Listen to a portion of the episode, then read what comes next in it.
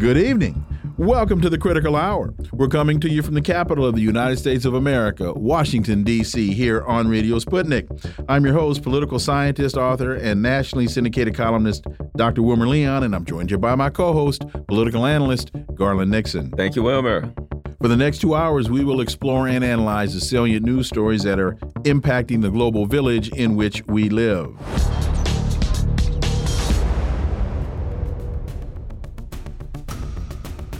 TASS reports President Putin meets with Iraqi Prime Minister, and the U.S. seeks to bundle arms aid to Israel and Ukraine.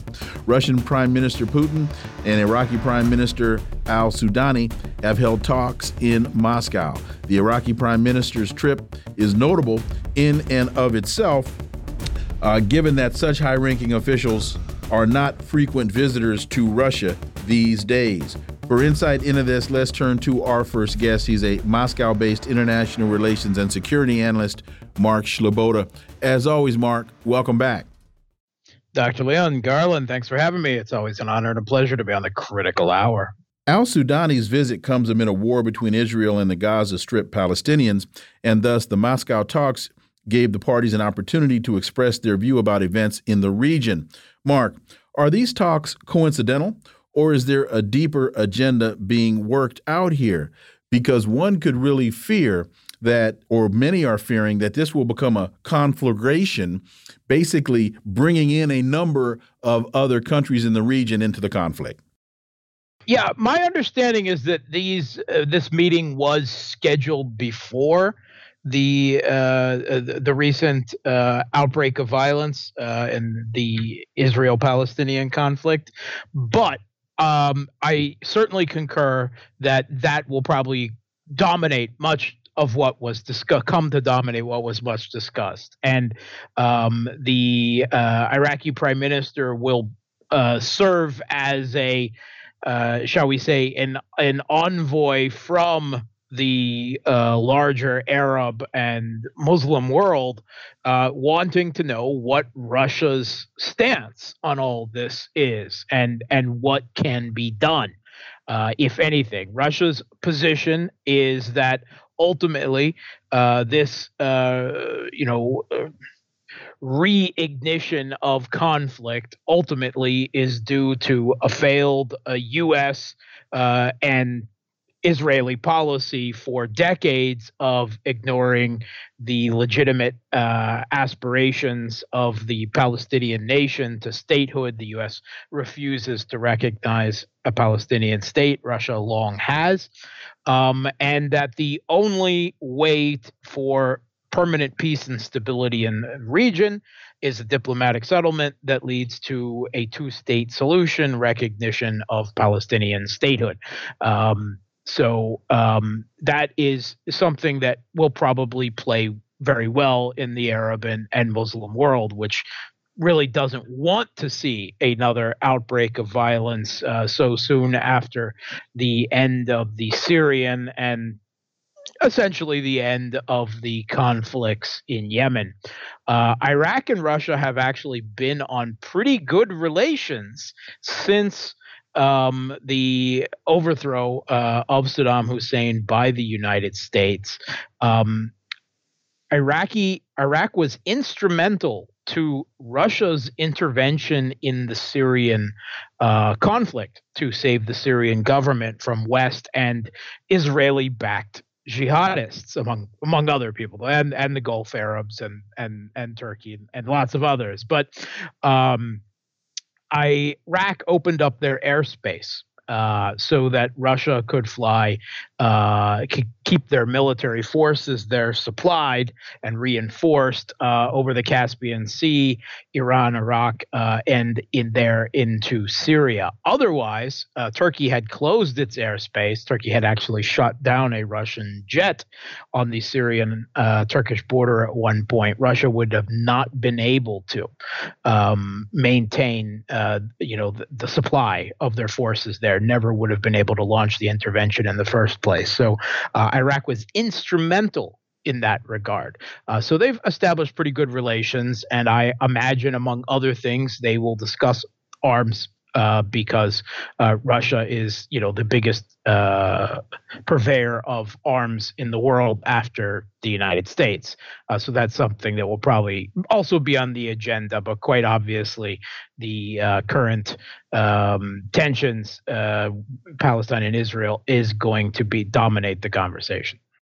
Germany. A couple of quick things about Germany. Germany is stepping up its uh, weapons deliveries to Ukraine ahead of winter, but they got some other problems. And that is uh, Scholz's uh, party just got uh, beat like a uh, a bongo drum in the latest uh, German state elections. What's up with that, Mark?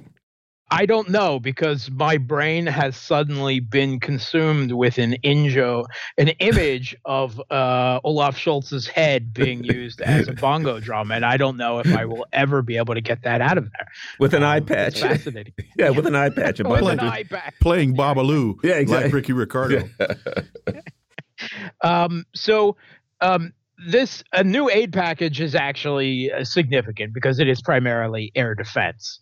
Um, it includes a entire new uh, Patriot system, including radar launchers, uh, com- uh, control center, um, and it also includes a German uh, uh, Iris air defense system and multiple Gepard short-range air defense systems, and of course the interceptors and ammunition for all of them. And of course, why do they need this? Because Russia destroyed all the last ones that they sent. That's why.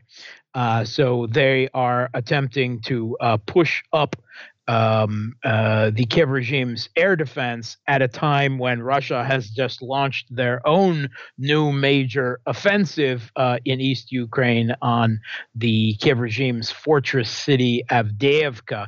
And uh, Russia is just using guided bombs, um, uh, airstrikes with guided bombs, and attack helicopters with complete impunity because the Kiev regime has no air defense over the battlefield. That was one of the big things that really crippled their failed offensive uh, in the south as well. And what remnants of air defense they have in uh, uh, Kiev, uh, I, I, don't think that they really have anything left in Odessa either from the airstrikes, uh, the missile strikes that we've seen strike there. So they're in desperate need of more of it. But this will just get destroyed like the last round they sent because they can't create an integrated air defense network, which is what Ukraine needs, what they started out this conflict with from scratch. They can't a few piecemeal Western systems are not going to do the job, and it's just going to be a slight band aid that will be ripped off uh, soon enough. In terms of uh, Germany's growing domestic problems, it would seem that uh, you know such type of uh, German taxpayers' money continually flowing to the Kiev regime uh, is not something that the German uh, people appreciate in growing numbers, um, and this is the worst result of of the SPD in uh, well living memory, uh, and a major um, gain for uh, the uh, Christian Democratic Union, uh, the, the party to which Angela Merkel belonged to, but also the quote unquote pro Russian, also quote unquote far right alternative for Germany uh, party, um, which has had its best showing ever. Now, the second largest party in Germany after the Christian Democratic Union, showing a better results by far than all of the three parties in the current government in the current ruling coalition, which spells the disaster for them uh, as, when, when next elections come around, unless things somehow change dramatically. And with the forecast for the German economy, there's absolutely no sign uh, that they will. So they best get the best results they can uh, out of what time they have left, because uh, this government coalition, uh, Scholz, Baerbock, and the others, they're out of there as soon as the German voters get a definitive chance to say so again there's a statement in this uh, in this piece that says that uh, the influential uh, an influential German magazine reported that Sunday's polls were an interim record, report card for Scholz's coalition. Uh, then they're being slammed over their policies related to economic hardship, a rise in illegal migration, and the UK, Ukraine crisis. and it and looks, those are all three the same thing. Well, exactly. along along with that was my point. Along with the along with the the destruction of the Nord Stream pipeline. So, and all of which the U.S. is tied to. So, it, unless the U.S. element of this is dealt with, it doesn't seem to me that no matter who you put in there, they're still going to be fighting the same werewolves. Yeah, to a more or less uh, degree. Obviously, the degree of hostility that the uh, Baerbock Scholz government, I usually put her first because it seems like she's really wearing the breeches in the family, even though she is her party is the junior partner to the SPD, and she's only the foreign minister. Um, they um, they have been more hostile uh, more friendly with the U.S. and more hostile to Russia and any idea of an independent German foreign policy than than previous governments, including even Angela Merkel's, uh, have been. That said, you know this uh, shell game of shuffling between a center right and center left, uh, you know, uh, without any real change uh, in any policy that matters, especially foreign policy, is you know how quote unquote democracies in the West are handled, whether it's the Democrats and the Republicans, the Labor and the Tories, the Christian Democratic Union and the SPD. You know, it it, it, it is the way democracy in the West happens, except for those handful of countries like Italy that have more chaotic politics. Orinoco Tribune. A Maidan 2.0 color revolution looms in Georgia. We know that the neocons have had their eyes on Georgia and their hands on Georgia since 2008 at least. Um, what do we know about that, Mark? Yeah, this is coming directly from the the Georgian government saying this. They are saying that the U.S. is planning to overthrow them. And that said, the uh, I mean the, the, government, you know, now uh, ruling since uh, uh, getting rid of uh, the U.S. backed strongman Shevardnadze, I'm sorry, not Shevardnadze, Saakashvili. That was the previous uh, Saakashvili. Um, that um, you know they they try to depict the, the the the ruling Georgian Dream Party as pro-Russian, which is it's it's nonsense. It's they're not rabidly anti-Russian enough is the problem. They sought a more balanced foreign policy. They're they're really no friends of Russia. They still maintain aspirations to join the EU and NATO uh, but they also don't want to destroy their economy and their country by engaging in open hostility with Russia. And the uh, Kiev regime in Ukraine has long been openly insisting, like like demanding publicly that Georgia joined the war and opened a second front against Russia. And Georgia's been like, Are you nuts? and they haven't even agreed to U.S. sanctions. That said, of course, they've condemned, uh, you know, Russia's uh, intervention in the Ukrainian civil conflict and so far. But that's not enough. The U.S. wants that replaced with a compliant government again that is actively hostile to Russia. Um, and I, I, I, believe they certainly have, um, you know, the usual uh, CANVAS, Otpor, color revolution uh, plans, which the Georgian government itself has gone into great detail to publicly described about the game plan, which is essentially a repeat of the Maidan as it happened in Ukraine, essentially blow by blow, play by play. Uh, and so they're attempting to head it off. They say it is planned for the end of this month or early in November, and they had best keep uh, the the protesters that support the uh, previous uh, U.S. backed strongman Saakashvili, uh, they had best keep them from forming a tent city, which was how the Maidan began before they began seizing government buildings and uh, burning policemen alive uh, and the like. So um, at least they are forewarned this time. Mark Sleboda, as always, thank you so much for your time. Greatly, greatly appreciate that analysis, and we look forward to having you back. Thanks for having me. Folks, you're listening to the Critical Hour on Radio Sputnik. I'm Wilmer Leon. I'm joined here by my co host, Garland Nixon. There's more on the other side. Stay tuned.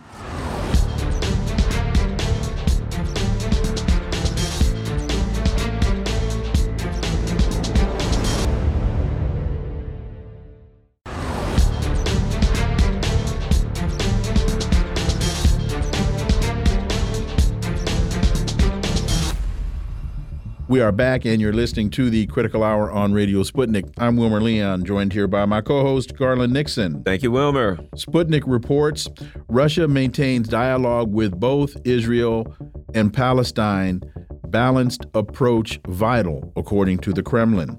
Russia maintains dialogue with both Israel and Palestine. It is important to maintain a balanced approach in order to participate in the settlement process, Kremlin spokesman Dmitry Peskov said earlier today. For insight into this, we turn to our next guest. He's an independent investigative journalist and author of three books The Frozen Republic, The Velvet Coup, and America's Undeclared War, Daniel Lazare. As always, Dan, welcome back. Thank you for having me. Quote, we maintain dialogue with the two countries. Of course, one cannot help but condemn acts that cannot be called anything other than terrorism, Peskov told reporters, adding that it is important for Moscow to maintain a balanced approach. Russia must maintain an equal distance, which will give it the right to participate in the settlement process, the official added. Eh, your thoughts on this, Dan Lazare, especially when President Biden obviously is anything but neutral. And even Nikki Haley is screaming to Israel, end it, end it, end them now. Uh, Daniel Lazare. Yes. And um, the senator from South Carolina, uh, Lindsey Graham, is calling for uh, for bombing Iranian oil facilities, mm-hmm. uh, and Donald Trump is equating uh, uh Latin American refugees with Hamas fighters. Uh, it's a very very dangerous uh, situation, a very dangerous situation. Um, I think the Russians are are being very careful. They are adopting a, a neutral policy, but their their their options are limited. number one, they they do have a, a uh, they are reliant on Iranian drones, which is very important. But number two, they have their hands full with Ukraine, and they can't really, they, they have no resources to spare. Um, and so they're treading a very, a very careful line. Uh, remember, uh, Russia did the same thing. Um, uh, a few weeks ago, when Azerbaijan took over the Armenian enclave of Nagorno Karabakh, uh, and Russia, even though Armenia has been a traditional ally of Russia since Tsarist times. Uh, uh, Moscow stood back, uh, did not intervene because it doesn't have the capability. So, um, so it's it's treading a very careful line. Well, you know, Dan, here's the thing. You know, Russia has bases in Syria. The U.S. has bases all over the place. Um, China has projects all over the Middle East. All of the major powers have significant exposure in that area. And the bottom line is, you know, we can sit here and assign blame. Obviously, there's the history of Israel Palestine. Obviously, these attacks, you know, uh, there were war crimes. I mean, you, you're not supposed to kill civilians and kidnap civilian hostages. We could do all of that, but that doesn't bring about a resolution. There are a lot of uh, um, um, civilians put in harm's way, and the danger of this thing spreading into an area where so many, much, in, in fact, oil is already starting to go up. If if if there's the the oil infrastructure is compromised, it could wipe out all of our economies. This is an extremely dangerous thing, and people need to get away from emotions and work towards getting a resolution as soon as possible. Dan. Well, yeah, I mean, essentially, you know, a, a, great big crack has opened up in the in the in the global political structure, uh, and uh, and and and there's a great danger of things falling into it. Uh, um, we don't know how far this will spread. We don't know if it will spread at all. Actually, um, Hezbollah has been has been quite restrained on the uh, on in you know in, in southern Lebanon. Uh, they have uh, you know they're, they they don't want to repeat of the disaster of 2006, so they're holding back. Syria is in no position to intervene either. Uh, and you know, and uh, and Saudi Arabia is playing the usual very careful uh, Saudi game.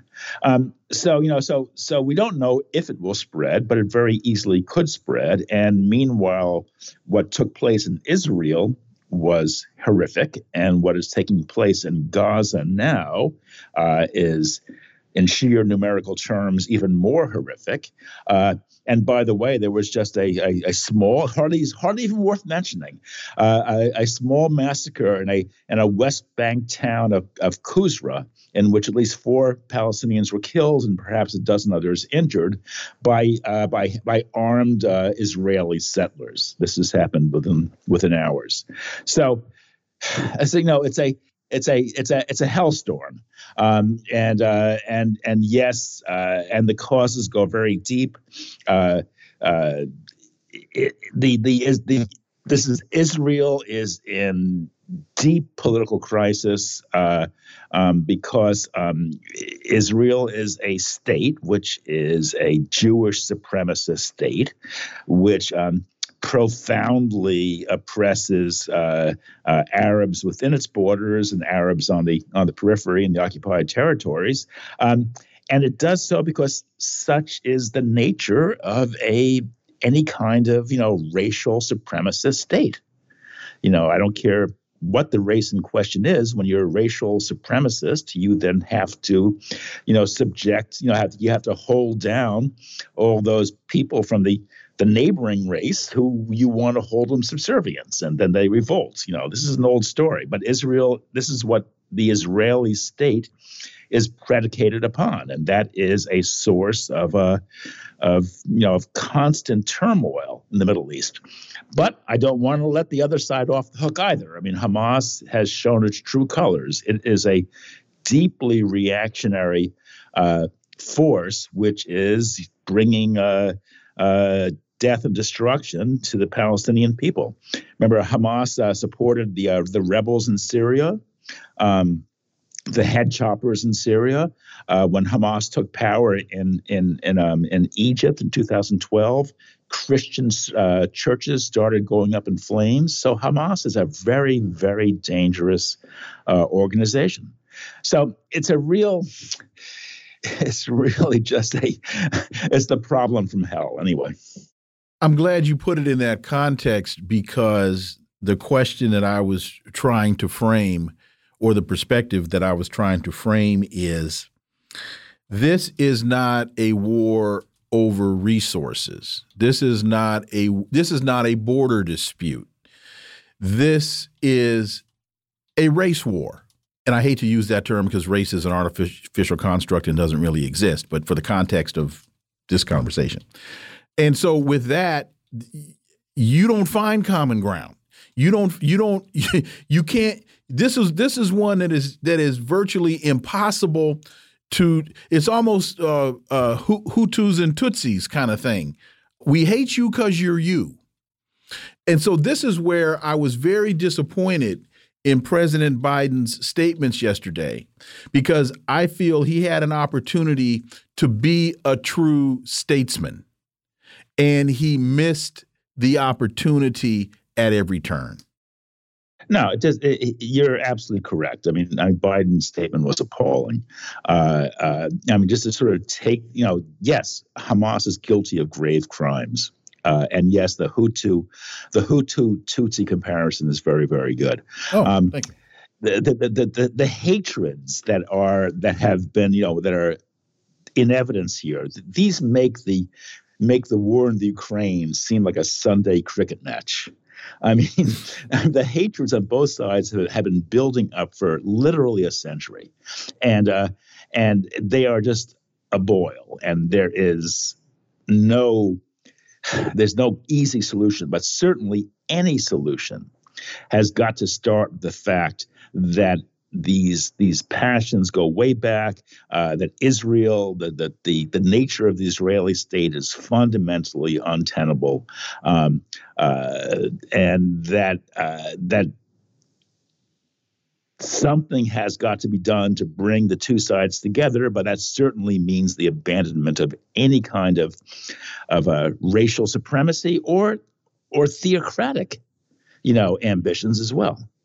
The only similarity I would draw in terms of Ukraine is the the the the Nazi nationalists in Ukraine have been ethnically cleansing the ethnic Russians, and that has contributed greatly into why Russia felt compelled to go in and defend those individuals. So once again, you've got an ethnic issue that you you can't negotiate that. Oh, I, I hate you because you're you.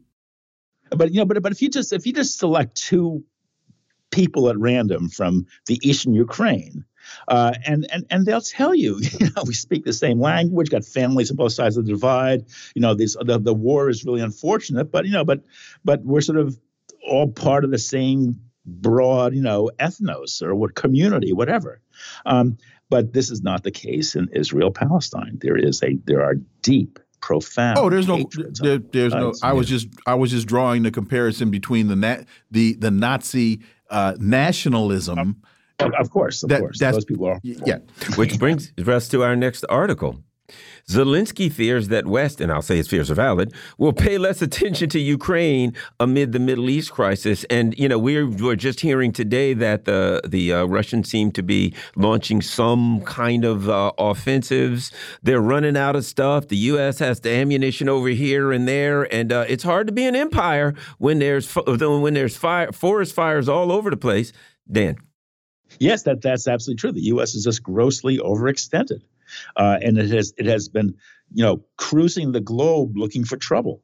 Uh, and uh, and now it has too much trouble on its hands. And and yes, uh, um, the uh, the the um, the Ukraine has slipped into second place. And and Zelensky, who is just you know it's just a, a ridiculous figure, uh, is trying to uh, to somehow um, you know by by by sort of you know, talking up the Israeli side by embracing the Israeli side, the Israeli cause, is hoping to ingratiate himself with the uh, with the Americans. But that's just you know that's of limited value. Uh, because Ukrainian military aid is in deep trouble in the House. I'm not sure if any more will be forthcoming at all. So, uh, so um, uh, the the Ukraine war is is going to be, you know, is going to be um, put on the back burner. It's going to be deprived of resources. Well, and to this, I'll read this first sentence. Ukrainian President Zelensky fears that the West may may pay less attention to the conflict in Ukraine amid the recent attack on Israel by Palestinian radical movement Hamas. Hey, Zelensky, I don't think it may. I think it is. You got a taste of that when you were here, and you didn't get to speak to Congress. You, know, you didn't get the same reception you got last time. You didn't get the same amount amount of money you got last time. You're not getting the same support. So this is not a may issue. This is a is issue. Yeah, you know, and Zelensky, you know, I mean, Zelensky talks, you know, he, he talks a great line, but he's been uh he's his message is not very well refined. I mean, the the Ottawa incident uh, was a disaster for the Ukraine. This, of course, is when the the entire Canadian Parliament stood up and mm-hmm. and, and, and, applauded a a World War II veteran who happened to have been a later turned out was a veteran of the Waffen SS. And that's just you know people sort of know are beginning to realize the nasty characters who uh, the Ukraine has fighting on its side, and that can't help but but but reduce enthusiasm for the Ukrainian cause, uh, and people feel you know. Uh, uh, at this point in the West, support for uh, Israel is running very, very high. So therefore, you know, uh, Ukraine will find itself displaced. It's off the front page, certainly. Daniel Lazare, as always, thank you so much for your time. Greatly, greatly appreciate that analysis, and we look forward to having you back. Thank you. Folks, you're listening to the Critical Hour here on Radio Sputnik. I'm Wilmer Leon. I'm joined here by my co host, Garland Nixon. There's more on the other side. Stay tuned.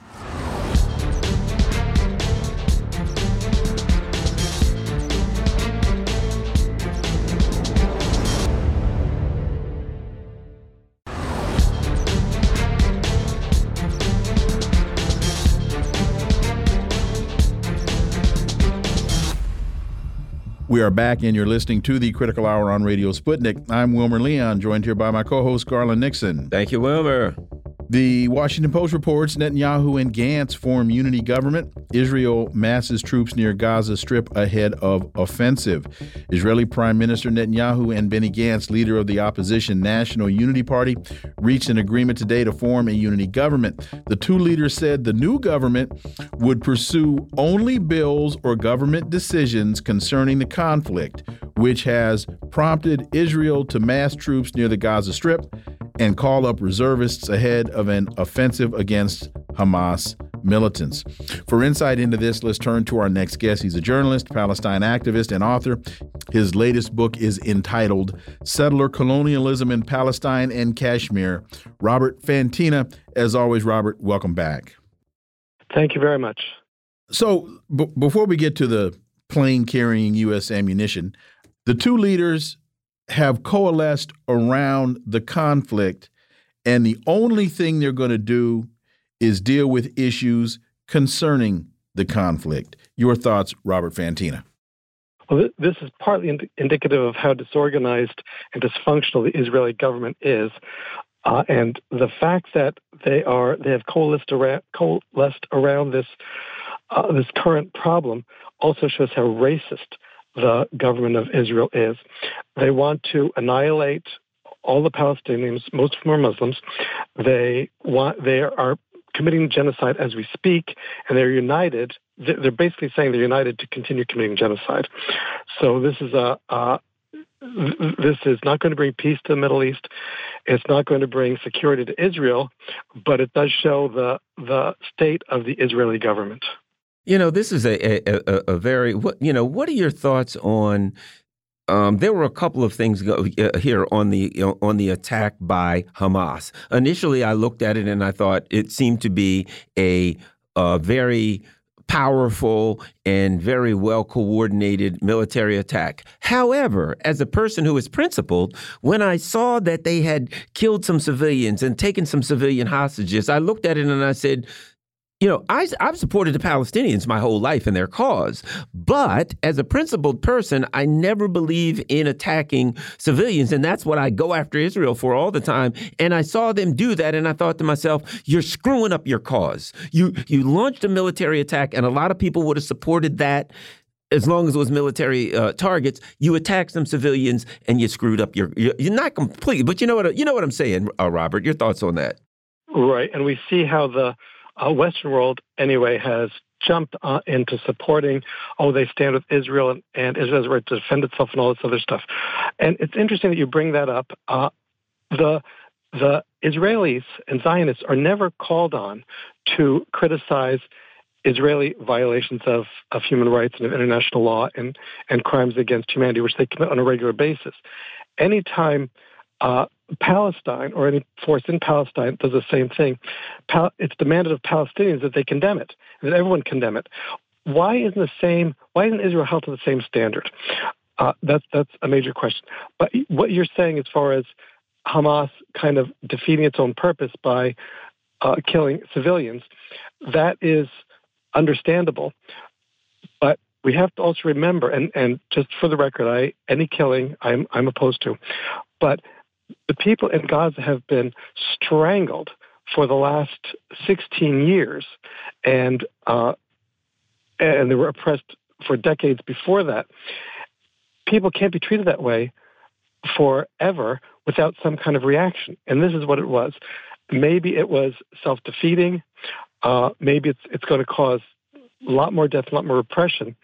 But one thing is, Gaza and Palestine can no longer be ignored because this is uh, if, if countries want to align with uh, or establish normalized relationships with Israel, the Palestine Palestine issue has to be considered not just throwing a few crumbs to, but there has to be some resolution.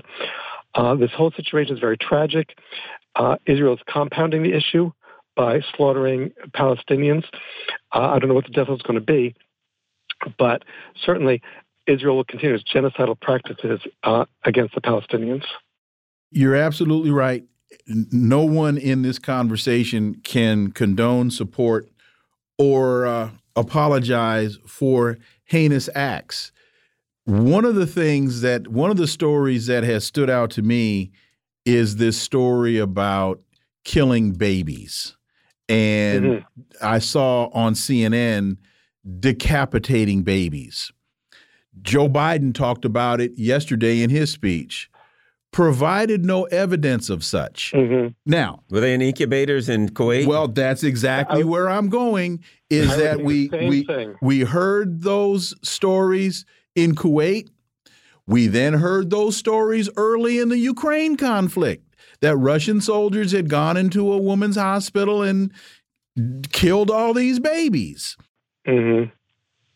It, and in Kuwait, the the so-called hospital volunteer who had witnessed it all was the daughter of the Kuwaiti ambassador. She had once visited the hospital, but just for a few minutes. She had never been a volunteer there.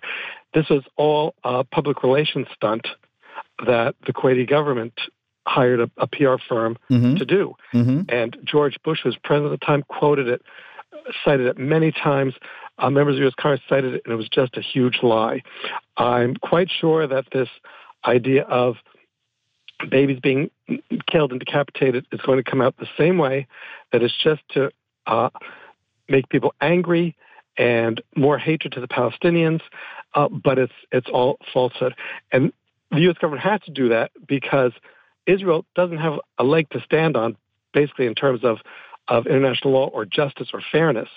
So stories, these horror stories, have to be invented to uh, bring about the support of the world to Israel against the Palestinians. I want to reiterate I'm not saying it hasn't happened. If it has happened, it is horrific, it is heinous, it is inexcusable. I just have not seen evidence of such. And recent history tells me that this is a story that gets repeated, never proven, and you have to take it in that context. If it has happened and I haven't seen it, I apologize. It's my fault, but I haven't seen it yet. Let me ask you this: something that's but on the news constantly. I've been, you know, looking at the news all day, and one of the things I've been seeing run is the Israel's, Israel, you know, Israel says Iran coordinated and Iran was behind it, and then now the U.S. is basically saying, hey, hey, hey, We've got no evidence that Iran was behind it. And in recent history seems to me that Israel was, let's face it, trying to drag the U.S. into some kind of war with Iran. And if there's a war with Iran and in, oil infrastructure is messed up, uh, God only knows nuclear, or there could be some kind of a nuclear attack on Iran. Um, bottom line is this a war on Iran, gas prices, uh, oil prices, Best case scenario, go to a point where they absolutely wipe out all Western economies and probably most economies in the world. And Iran and Israel both lose. Both, yeah. Everybody when, loses. When, when missiles start going back and forth, and Iran's got some darn good missiles. And there's no infra oil it's, infrastructure left in the Middle East. It, it's it, everybody game, loses. set, and match for uh, anyway. Your thoughts on that, uh, the Iran part of it? Well, it's interesting to say that to, I, I, read also that U.S. Ha- officials have no evidence that Iran was involved, but they think Iran probably was. so, w- w- you know, where is this coming from? And they're just theorizing. They're not even believing their own evidence, and they're starting rumors because, of course, we have to take Iran. That's very important for a U.S. governance right now. That's uh, Islam and Iran are the enemies. Palestine now is a, a big enemy, uh, but this idea of an expanded war in the Middle East is, Garland, as you said, going to be would it would be a disaster for the world. The death toll would be staggering. The economic fallout would be devastating. No one would win. Uh, it would be, but yet, and yet, the United States is sending uh, additional weaponry to Israel. It it positioned a, um, the largest warship in its fleet uh, off the coast uh, uh, near Gaza. What is this doing if not provoking um, Iran and Syria and Yemen and Lebanon uh, to further hostility towards and, and, against the United States? The U.S. and and Biden has said that he has he's not interested in negotiations or encouraging uh, Israel to to negotiate or to have a ceasefire. He's willing to let the slaughter uh, occur and the wider war, the risk of the wider war, uh, also occur, and that's that makes no sense, no logical sense at all.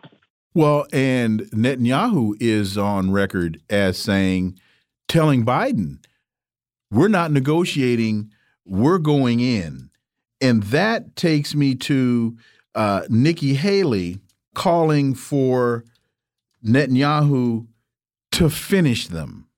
Uh, she, she's on. She I, I I saw the interview on Fox News where she says, and I'm trying to find the quote here. We need to make sure our enemies do not hurt our friends. I say this to Prime Minister Netanyahu: finish them, finish them. Hamas did this. You know Iran is behind it. Finish them. And you take that with Joe Biden's uh, speech from yesterday, and Joe Biden missed a great opportunity to be a statesman, I believe, mm -hmm. yesterday. Mm -hmm. Uh, your thoughts, Robert Fantina? Yeah, this, this is Nikki uh, Haley is a member of some fundamentalist uh, evangelical Christian sect that worships Israel, doesn't care about human life. Uh, she's made she made that clear when she was U.S. ambassador to the UN. Uh, she made it clear as uh, during her time as governor, and she's certainly making it clear during this run for the presidential nomination. Uh, Biden, as you said, could have been a statesman. He could have called for restraint. He could have condemned violence on both sides. He could have said that we need to look at solutions. But no, he was willing to and and anxious to support genocide, and that is not the the action of a statesman. And here's exactly what she said. I say this to Prime Minister Benjamin Netanyahu finish them, finish them. Hamas did this. You know Iran is behind it. Finish them. It sounds to me, Wilmer, like she's calling for a nuclear strike. That's what it, sounds, what it sounds like. She's calling for a nuclear strike on Iran. Well, we know this. She's not calling for a cessation of violence. Well, how about that? She's not call. She's not trying to calm Finish. things down finish them. And that's why the, the headline of this article is Call for Genocide. Nikki Haley tells Netanyahu, finish them. Yeah. Rob, Robert Fantina, as always, thank you so much for your time. Greatly, greatly appreciate it. We look forward to having you back. Thank you. My pleasure. Folks, you're listening to the Critical Hour on Radio Sputnik. I'm Wilmer Leon, joined here by my co host, Garland Nixon. There's more on the other side. Stay tuned.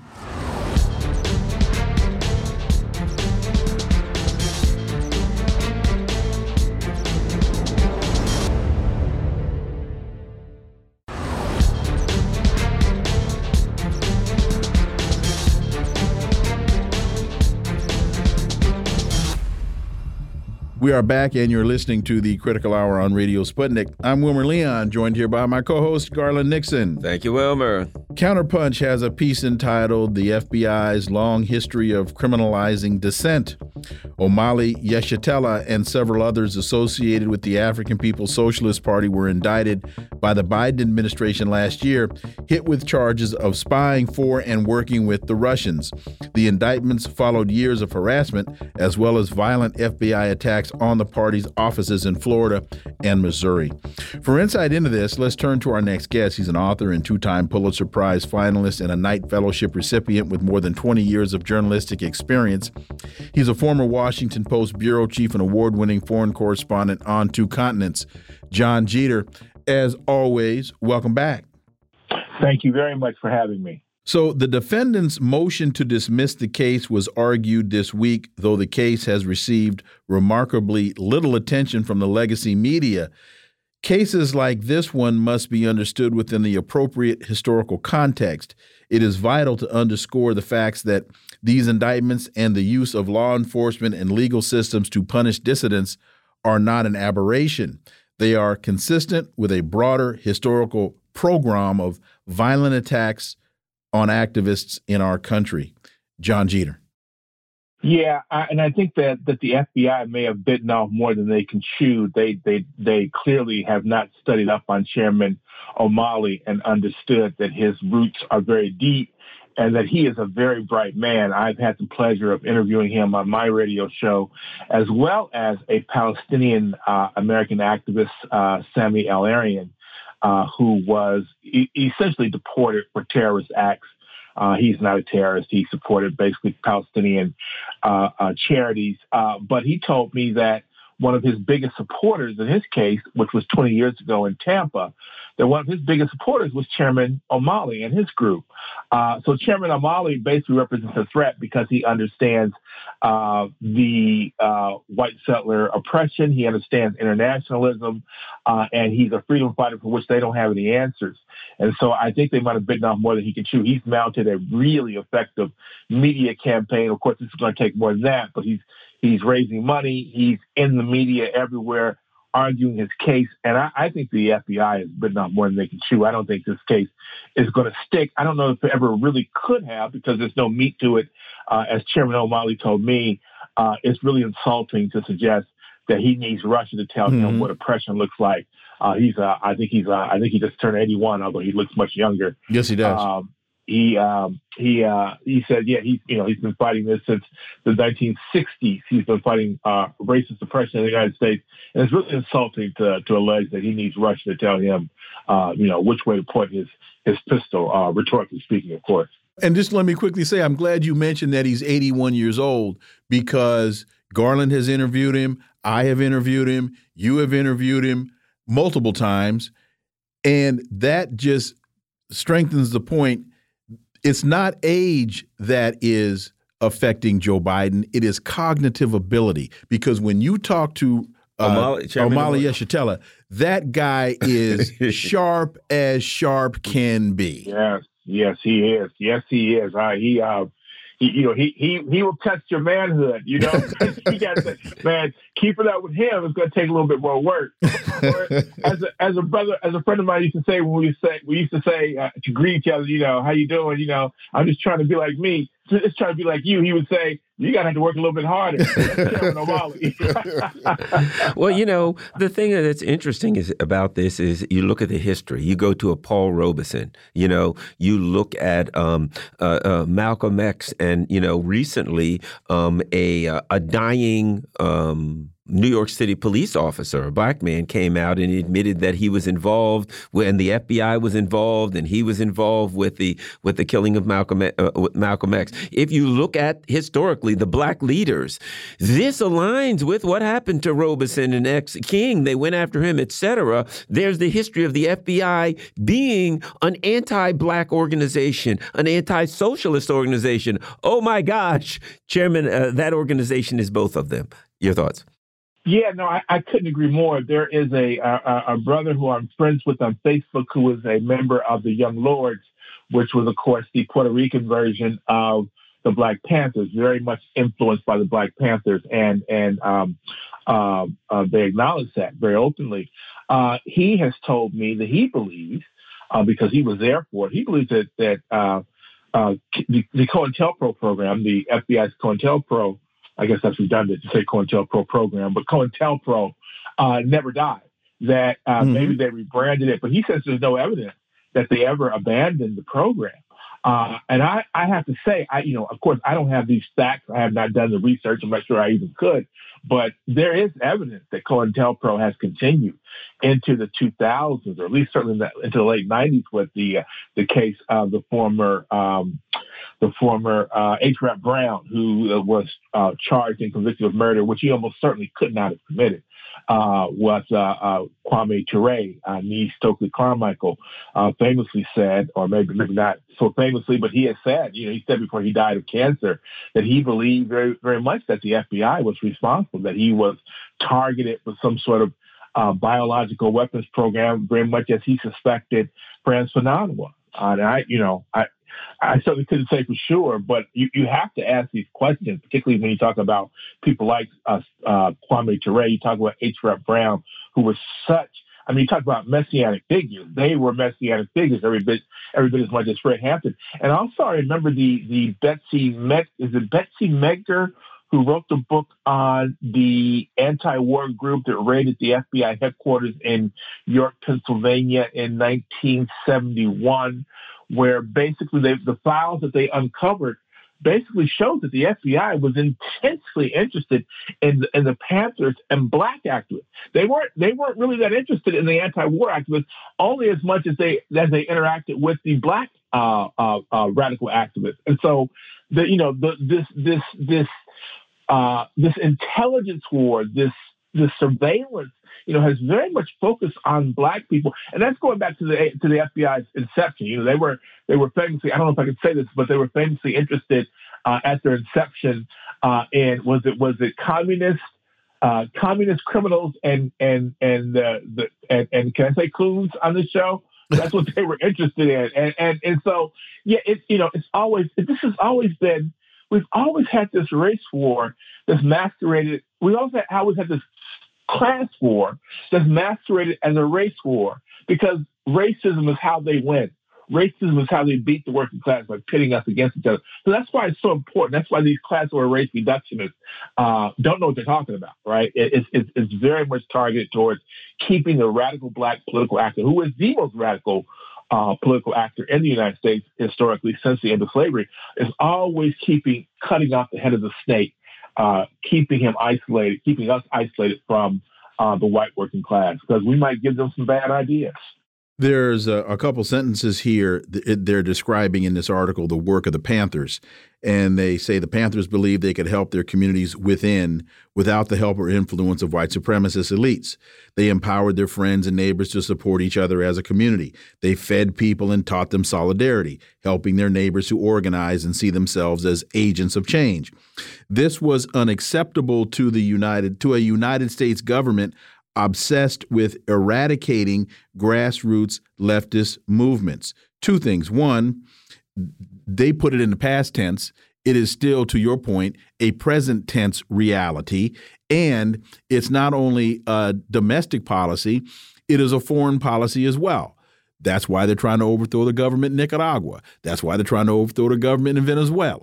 That's why, and and and as Gil Scott Heron would say, the endless list that won't be missed when at last America is purged. So for people to say, oh, why should we care about what's happening in Nicaragua? Why should we care about what's happening in Colombia? Or or because it's the same program with a different name.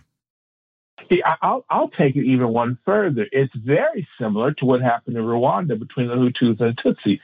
In Africa, the colonial powers typically divided tribes because they realized if the tribes were fighting each other, they wouldn't be able to fight the, the colonial power right? So it is very similar. That divide and conquer strategy is a is the foundation of uh, imperialism, white settler colonialism, that idea that racism, right, that you have, that your enemy is your is your neighbor who's a little bit darker than you, right? That is the key, the the the, fundamental, uh, the foundation of white settler colonialism. So yeah, it's um and and you know and, and that and that's another reason they who they hate when you think about it, they hate black people, of course, but the other person, the other people they hate, the other group of people they hate are the white people who speak to that racism. Think about their hatred of, of Fidel Castro. Think about their hatred of Hugo Chavez.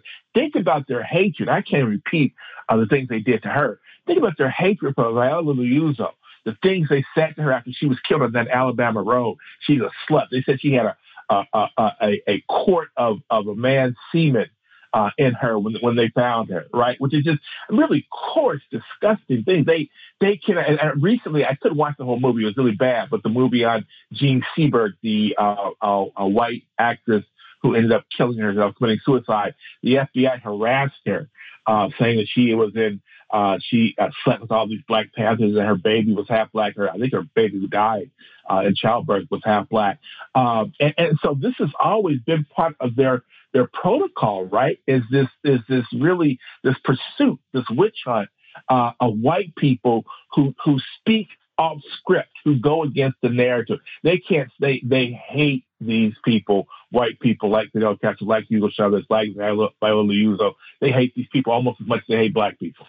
Some would argue more. You know, they see them as traitors. But let me add this. You know, um, one of the things they talk about here is the Cold War and how the Cold War is heating up again. And it's not coincidental that as the Cold War heats up, the, the FBI and the U.S.'s attack on people of black folks on socialists aligns with that in a parallel way and that increases such as the going after uhuru your thoughts and in doing so they attack the constitution as the tool yes john yeah i, I just think this is so you know I, I, have said this i think on this show even I, I i'm a huge fan of mark twain but one thing i think he got wrong wrong is when he said history doesn't uh, repeat itself, but it sure does rhyme. No, it repeats itself, right? if you look at what's going on right now, it is very similar, almost identical, really, to what happened. Uh, people talk about the Red Summer in 1919, but they don't often connect that with the Palmer raids, which happened at, at essentially the same time. The Palmer raids target these mostly uh, uh, Central European immigrants uh, who were coming over, who had these radical ideas about anarchism, about communism, uh, who hadn't been taught to, to had, who had not been taught that they were white. They were coming over with these ideas, and they feared more than anything that they would get together with blacks and they would revolutionize the country, that they would that they would overthrow capitalism, right? Uh, and they were right to think that, right? Because you did have this this huge influx of of immigrants from Europe and you had this huge influx of immigrants from uh, black immigrants from the south to the north. Uh, and they did have ideas, particularly at that time when the, when the country was industrializing, or at least it was sort of uh, uh, uh consolidating its industrialism. Uh, and so, um, you know, this, this is this is historical in a way that's almost eerie, right? It's like uh, it's eerily uh, consistent. There's a seamless continuity between what's going on now, this attack on on black people, the the the, attacks which uh, the, the the rise of violence against black people, as this message is hammered home every day, almost every day. If you watch the news, you know this, this idea of racism and black inferiority is hammered home in this in these cryptic ways. While at the same time, you've got this you've got this simmering war against uh, uh, uh, white radicalism uh, per se, right? It's, it's, certainly in social media. Just, just as one, one, uh, uh, um, just as evidence, just last night, I Facebook notified me that they were removing one of my posts because I had said something like Hamas ain't playing. Right. And they said that was supporting terrorism, basically. So this tells you they're trying to control the narrative and they're targeting the same ideas this, this sort of leftist white radicalism and blacks, which is synonymous with radicalism. Uh, it's just their game plan doesn't change. And, and, and, let me say this, they're not wrong, at least. Their tactics might be kind of ham-handed, but they're not wrong. It, this is uh, the vanguard of the revolution does run through the black community, and it is because we, we, we often find these connections, make these connections with our white neighbors who are willing to consider themselves workers more than they are white. And and as you said, as as Twain said, history doesn't repeat itself; it often rhymes. No, you're right; it does repeat itself because what we're seeing right now is the same playbook from World War One. It's the same playbook from World War Two. It's the same playbook from Vietnam. When the empire sees itself as being threatened, it reverts to the same tactics time and time and time again. Jon Jeter, as always, thank you so much for your time. Greatly, greatly appreciate that analysis. We look forward to having you back. Thank you for having me. Folks, you're listening to the Critical Hour here on Radio Sputnik. I'm Wilmer Leon. I'm joined here by my co host, Garland Nixon. There's another hour on the other side. Stay tuned.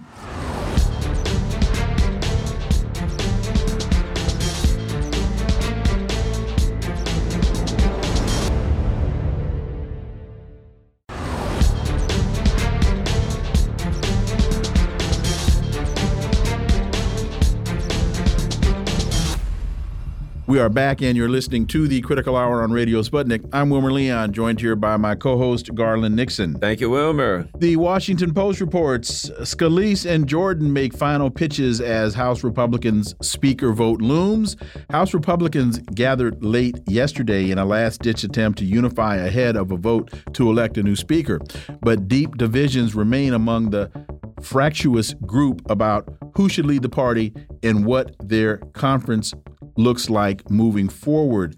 And uh, Garland, I know you've got some some update on this. Yes, in fact, House Republicans, if this is reported by FoxNews.com, House Republicans have chosen Majority Leader Steve Scalise, he's a Republican out of Louisiana, as their nominee for Speaker. Um, they uh, sequestered themselves for about two hours, and they made their way out. We find out that they voted via secret ballot. Scalise won 113 votes. Uh, House Judiciary Chairman Jim Jordan won 99.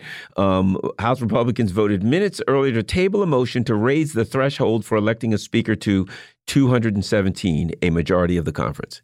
I wonder who put that motion before the body to raise the number because one wonders after the history that they've just gone through, why would they want to make it harder to elect a speaker as opposed to either keeping it at knowing how much trouble Kevin McCarthy had went through 15, 15 rounds of voting with some of the same people involved before, Scalise and Jordan.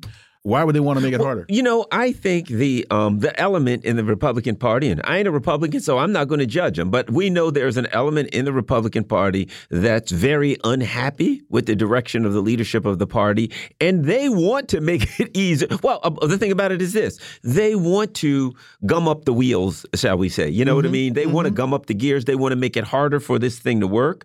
Um, and what's interesting, I think, about Scalise, uh, uh, uh, uh, uh particularly, is this, and that is the more, and I'm not using this as a pejorative or a negative, the more radical elements, right, um, of the Republican Party wanted McCarthy out. They felt like he was just a mainstream person, and they were very angry at him over the Ukraine money mm -hmm. that they felt. Actually, if you really look into it, they felt that he had made a side deal with the Democrats. And of course, in politics, if you make a side deal with the Republicans or the Democrats, the rest of your party is not going to be happy with you. So they got McCarthy out. But if you look at Scalise, he was one of McCarthy's lieutenants. So it's out of the frying pan into the fire. I mean, from their perspective, they want McCarthy out the door so they can get their guy or a fresh face in. And really, they got just another version of McCarthy, in my opinion, in a lot of people's opinion. And Scalise, to your point, is a lieutenant of McCarthy, but I believe he's better liked. And there's also the whole deal with him having been shot and and all yeah, of that, yeah, yeah. all of that sympathy. But he comes across as being a better politician than, especially within the within the party caucus. He comes across as being a a, a better politician. And then two, now that what uh, well anyway, I'll just leave it there. Well, well let me let me throw this out too. what you have now is a party that is unstable right? Mm-hmm. You have a party that has, and it's not unstable over things that aren't really, in, you know, uh, real policy disagreements. If you take the Ukraine stuff. Now, there are there were more libertarian members of the party who are saying, I don't want any trouble. Let's back away from all of these wars. Now, you unfortunately you've got some that are like, no, it's China. They're the real ones we should uh, should go after. But whatever the case, you have a real policy difference where there are now some Republicans are saying, I don't want to give another dime to Ukraine, whatever their case may, may, be, that are there. And you've got the mainstream of the party saying, I want to continue to go along with that. So the truth is, uh, uh, notwithstanding the political abilities of a Scalise or McCarthy or whoever the case may be, they still have policy issues mm-hmm. that they're not going to be able to resolve. And they're still going to, I suspect, will still be in a position to get the votes where if somebody goes against what they want, it's going to take one person to toss them out. And I would suspect we're going to see this same thing go over and over, if not happen, if not about just Ukraine um, funds, but the first thing that comes along that they ain't happy with the speaker. He, I mean, that's a job. It's like the sheriff in an old West town. You know, as soon as you get the job, they start measuring you for a casket so they can bring the next sheriff in because you're going to be gone. Well, and to your point, Jim Jordan's new shutdown threat highlights an unnerving right wing trend. Republicans spend more time talking about the practical problems posed by the Mexico border issue than any other issue. Jim Jordan wants to be the next speaker. We know that's not going to happen now.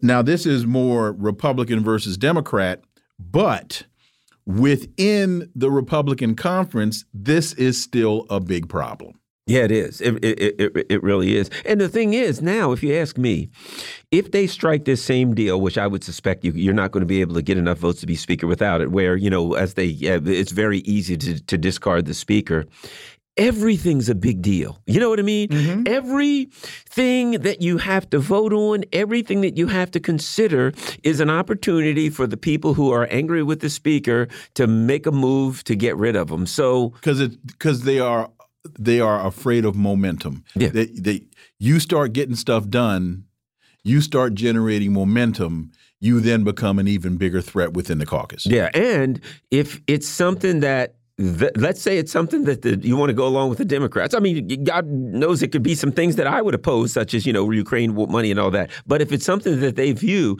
as going along with the Democrats, you got a lot of people that are like showmen. You know what I mean? Mm -hmm. They want to make a big splash on Twitter and in the news, and they're going to be the person who took down the speaker because they stood on principle and the speaker was a RINO or whatever the case may be. And one of the interesting elements in all of this is that one vote measure to remove the speaker was not changed. They brought that up when McCarthy first lost. They said, well, we need to change that. I want to say they may have even presented that before they even voted on McCarthy. And yes. that, did, that didn't pass. So they still have the same poison pill that they had to get rid of McCarthy, and it's and to me, it's in, it's incredibly telling that uh, that they didn't they didn't vote that out. Two interesting stories that I'm, I'm going to put together. This one is an opinion piece from the Wall Street Journal. Nikki Haley can beat Donald Trump. DeSantis isn't up to the task, and it's too late for a new entrant. This is Will Hurd. Uh, Donald Trump is a frontrunner for the Republican presidential nomination, but his selection isn't inevitable. To beat him once and for all, we can can't continue to propagate three fallacies, and then they list these three things. Second story, Washington Post, opinion piece. This is George Will. Tim Scott, please drop out, urge others to follow, and unite behind Nikki Haley. So you've got the Wall Street Journal opinion piece championing Haley. You've got the Washington Post opinion piece by George Will, who is still considered to be a Republican's Republican, uh, even though with the rise of the of the Trump faction, George Will lost a lot of his cachet. But for the Washington Post and the Wall Street Journal to be now championing Nikki Haley, what does that say to you, Garland? I think that's her political doom. What I mean is this. For who? For for Haley. She's doomed. You know what I think of? Those are the set. Remember, Will? He was all behind George Bush, the Wall Street Journal. I mean, Jeb Bush. Jeb Bush is the guy, and that was when we realized that there is a this this Trump base. The last person that they will vote for is a Jeb Bush, a Nikki Haley. You know, I look online, some you know, on Twitter, and I'll look, you know, look at different um, some of these different candidates. I'll look at their timeline, and mm -hmm. I'll mm-hmm. see that Nikki Haley has tweeted something. It's usually something about a war. It usually looks like you know you could interchange her her name with John Bolton, right? But underneath, there's Republicans, you know, MAGA people. Uh, Their name is like I'm MAGA so and so, deplorable so and so. People that are obviously right. Trump Trump voters, right?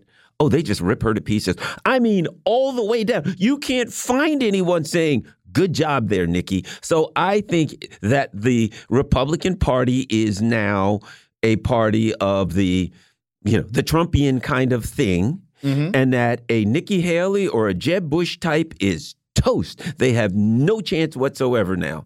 Now, and here's an interesting data point or points.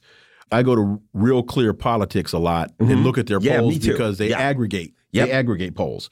So in the national poll, national polling of Republicans, Trump at 58%, DeSantis at 13%, Haley at seven, and Ramaswamy at six. So for the Republican nomination, Trump has that hands down. As we sit here today on the 11th of October, who knows what will happen tomorrow.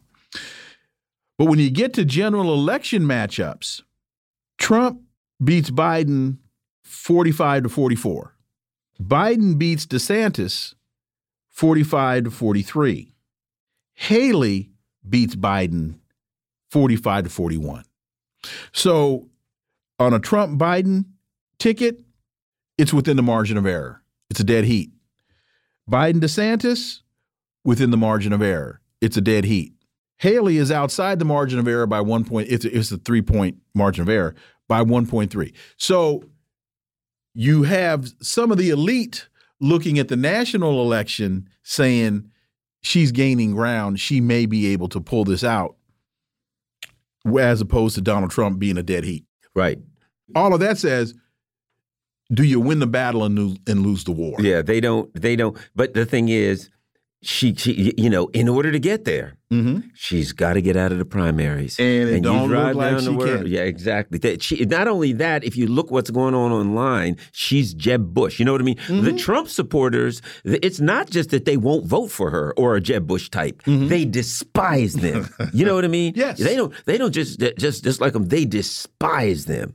So I don't see anything that could happen that the that the Trump voting base would wake up tomorrow and say, "Well, I think if we get Nikki, they'd rather lose. They'd rather vote for someone that they like and lose than stick Nikki Haley out there." And my that's my opinion, but it goes on based on what I see on the reactions to her online in a conservative world are, you know, they're just they pretty much barf.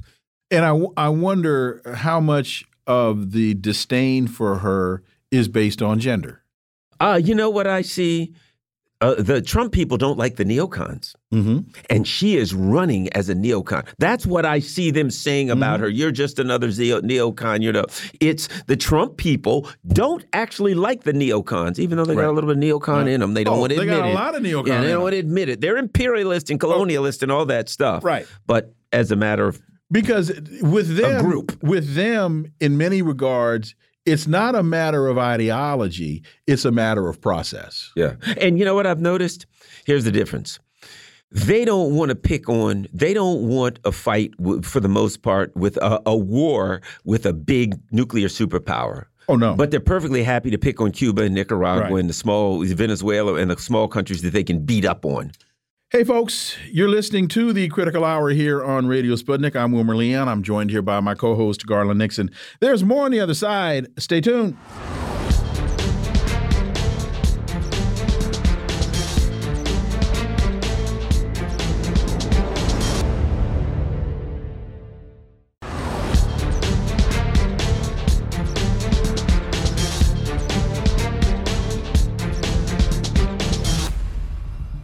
We are back, and you're listening to the Critical Hour on Radio Sputnik. I'm Wilmer Leon, joined here by my co host, Garland Nixon. Thank you, Wilmer.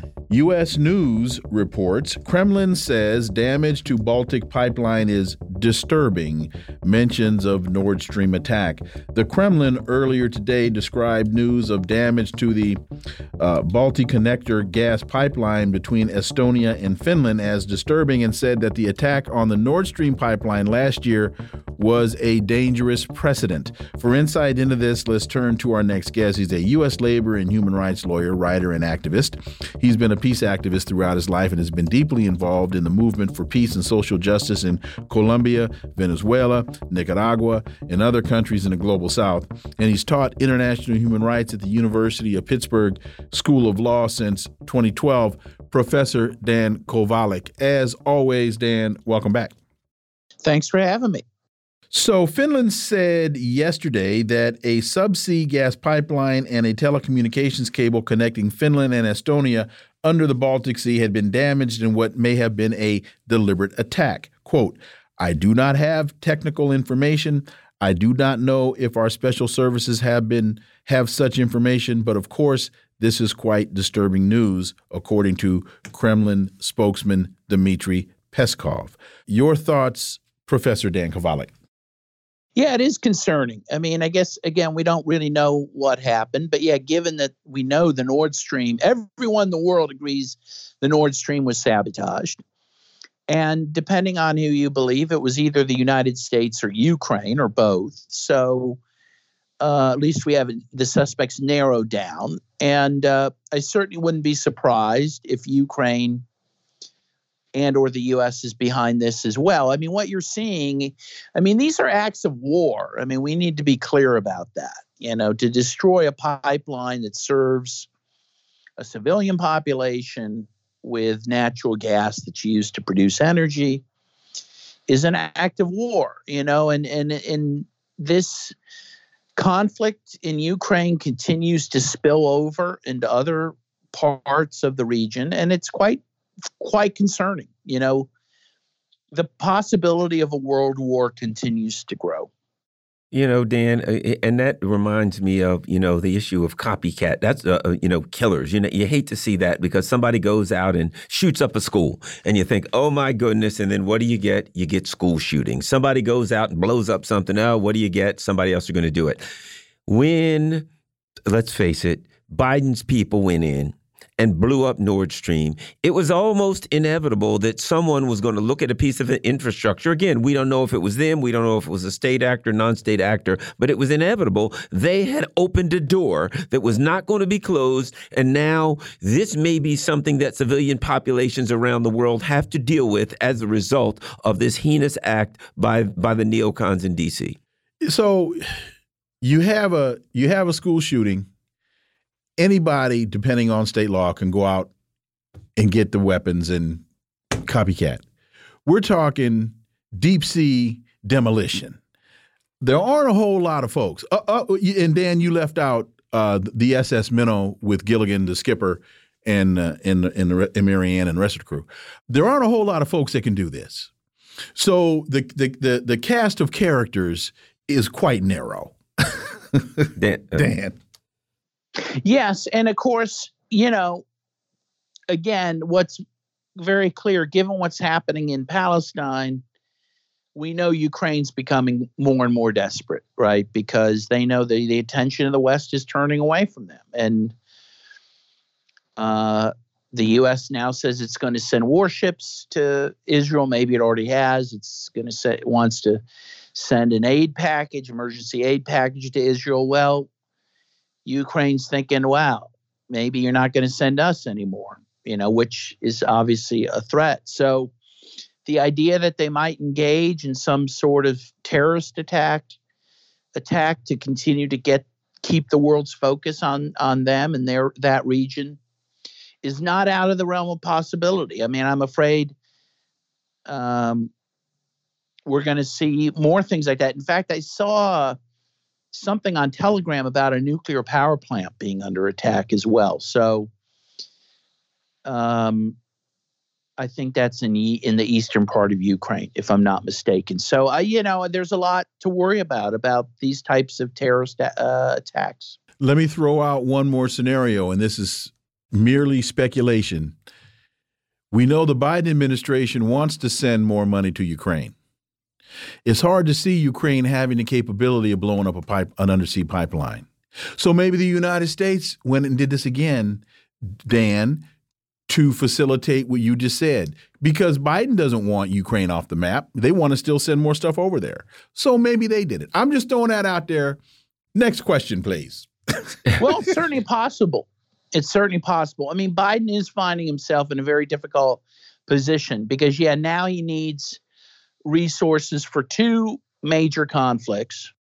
As we get closer to 2024, Joe Biden needs a conflict because history tells us that citizens will rally around their leadership in the time of crisis. Joe Biden needs a conflict. Yes, and and he certainly does not want to lose a conflict before then. There you go. And he is on the verge of losing the conflict in Ukraine. Um, he knows that. In fact, Russia's now apparently mounting a major offensive against Ukraine, probably seeing that again. Now is a, a fortuitous time to do that. So, yeah, I'm sure people in Washington are panicking because if Russia were to win the war before 2024, after all the billions of dollars being spent there, Biden is dead man walking politically. Well, that brings us to our next story. Because he already is cognitive. It, exactly. Slovakia's Fico, I forgot how that pronounced. Feast something. Uh, but at any rate, strikes deal in coalition after election win. Slovakia's former Prime Minister Robert, Robert Fico uh, reached a deal on Wednesday with center left and nationalist parties to form a new government, which is expected to scale back the country's support of Ukraine. We're seeing the fall of governments who support um, the, the, the conflict in Ukraine, the Biden's conflict in Ukraine, and uh, the numbers. The uh, the uh, German leadership parties have just had some disastrous results in local in local elections. Things are not looking good for them. So bit by bit, this this thing's falling apart, Dan. Yeah, I mean, NATO's going to fall apart over this. I mean, um, you are going to see more and more pro NATO governments fall over this. There's been ma uh, major demonstrations in the Czech Republic as well. Even Poland's talking about cutting off aid to Ukraine. I mean, this is incredible. Um, but it makes sense because Europe has not benefited from this war one bit. The U.S. has sacrificed Europe for this war. Um, and the bombing of the Nord Stream has destroyed the economies of countries like Germany. So, you know, governments will pay for this. And, and you see that happening right now. People's Dispatch Poland's Law and Justice Party launches hyper nationalist campaign in hopes to win third term. The conservative government in Poland has courted widespread criticism for subjugating the judiciary and attacking abortion rights. It is also facing growing public discontent over its overstretched support for the war in Ukraine at the expense of Polish citizens. Dan Kovalik. Yeah, there you go. Again, I think you could see a major political upheaval in Poland um, because this has not worked out for them. And again, the U.S. has proven to be a very unreliable partner. Um, NATO is supposed to protect the countries within NATO. Instead, this whole campaign has hurt those very countries and has really damaged their economies and really hasn't done much to damage Russia. So this whole thing is backfired, and the people in countries like Poland see that. I mean, they're not stupid; they know that that's the case. And again, the ruling party may pay a big price at the polls. We had, um, um, I didn't realize until um, a few months back, we had one of our regular guests, Dr. David Oualaalou, who was in Poland for a while, and he came back and he told us, he said, you know, guys, the people in Poland, you know, as obsessive as the, the the the the, leadership of Poland is about this Ukraine thing, the people of Poland aren't on board. And he said, I was in the streets talking to the people. They're not happy with, and we got to add this: the number of Ukrainian refugees, the fact that they are poor, they don't have anything, and the government is providing money and housing for the refugees, and uh, uh, this this is um, disastrous. And we're seeing that these governments that are not aligned with their people are pretty much doomed. Dan. Yeah. Yeah, no. Again, they're not in line with their people. They're not in line with their own national interests. That's the incredible thing. They're not acting in their national interest. They're acting in the interest of the United States. I mean, these are, you know, uh, proxy governments in Europe. It's an incredible thing. And to, you know, the amount of humiliation these people must feel uh, it, realizing that is incredible. So, yeah, you're going to see a different Europe soon. I think. I think definitely NATO will fall apart. It could be that the EU falls apart as well over this. And Dan, you said NATO is supposed to protect NATO countries, and the United States engaged in an act of war against a NATO country by blowing up the Nord Stream pipeline. NATO now reminds me of the American mafia and how the crime families came together. They said, we, we, We've got to work together for the betterment of all. But one of the things that repeatedly undermined that was one family would either encroach upon the territory of another or one family would directly engage in business violating the agreement and the families would wind up turning on each other. The, the, NATO now seems to be operating like the mafia, with the United States being the Gambino crime family. Dan Kovalik. Yeah, we're the, the U.S. is the kingpin, and as you say, it's not operating for the benefit of the other families, only for its own family. And that can only last so long, right? Before the fa- other families decide that they need a piece of the action. And that's what you're seeing. I think you're going to see Europe rebel in a very big way against uh, their big brother, the United States. And it's interesting, Dan, that you say see them rebel because one of the questions that Garland and I have been asking over the last two years how is that going to manifest itself? Because we see activity in the streets in France. We see activity. In fact, before they blew up the Nord Stream pipeline, Germans were in the street screaming, turn on the Nord Stream pipeline. Right. And right. so and so we've been asking the question, how is this rebellion going to manifest itself because the elite ruling class in these countries cannot suppress the will of the people forever. No. And again, it, these are people that are prone to go to the streets to protest. And so I think you're going to see more disquiet, more protest, but also you're going to see people at the ballot box vote for opposition parties that are willing to stand up to the United States. A lot of people mention Charles de Gaulle, you know, the mm-hmm. French leader. Correct. You know, France has been an ally of the United States, but de Gaulle was very careful about the U.S. and was very critical of it and wanted a separate path for Europe. And we haven't seen a de Gaulle in Europe in a long time. I think you're going to start seeing some de Gaulles rise up. Professor Dan Kovalik, as always, thank you so much for your time. Greatly, greatly appreciate that discussion and that analysis. And we look forward to having you back. Thank you very much. Folks, you're listening to the Critical Hour on Radio Sputnik. I'm Wilmer Leon. I'm joined here by my co host, Garland Nixon. There's more on the other side. Stay tuned.